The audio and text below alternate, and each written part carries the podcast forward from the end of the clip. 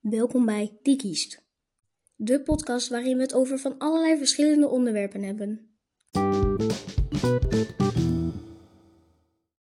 Met deze keer als vraag: Hoe zitten elektrische auto's in elkaar en wat is het nut ervan?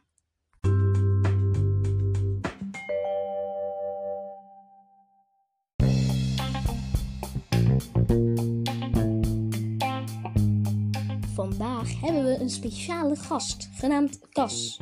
Hey Cas, kun je even hallo zeggen? Hallo.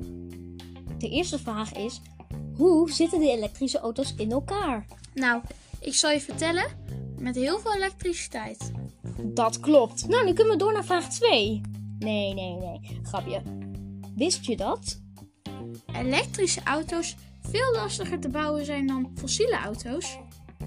Er is wel een groot verschil, want elektrische auto's werken namelijk op elektriciteit. En dat kunnen we meteen gebruiken in vraag 2.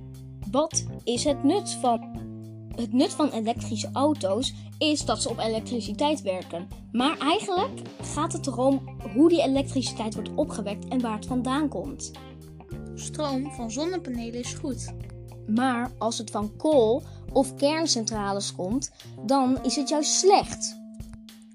Dus het ligt eraan of het nou wel of niet goed is voor het milieu.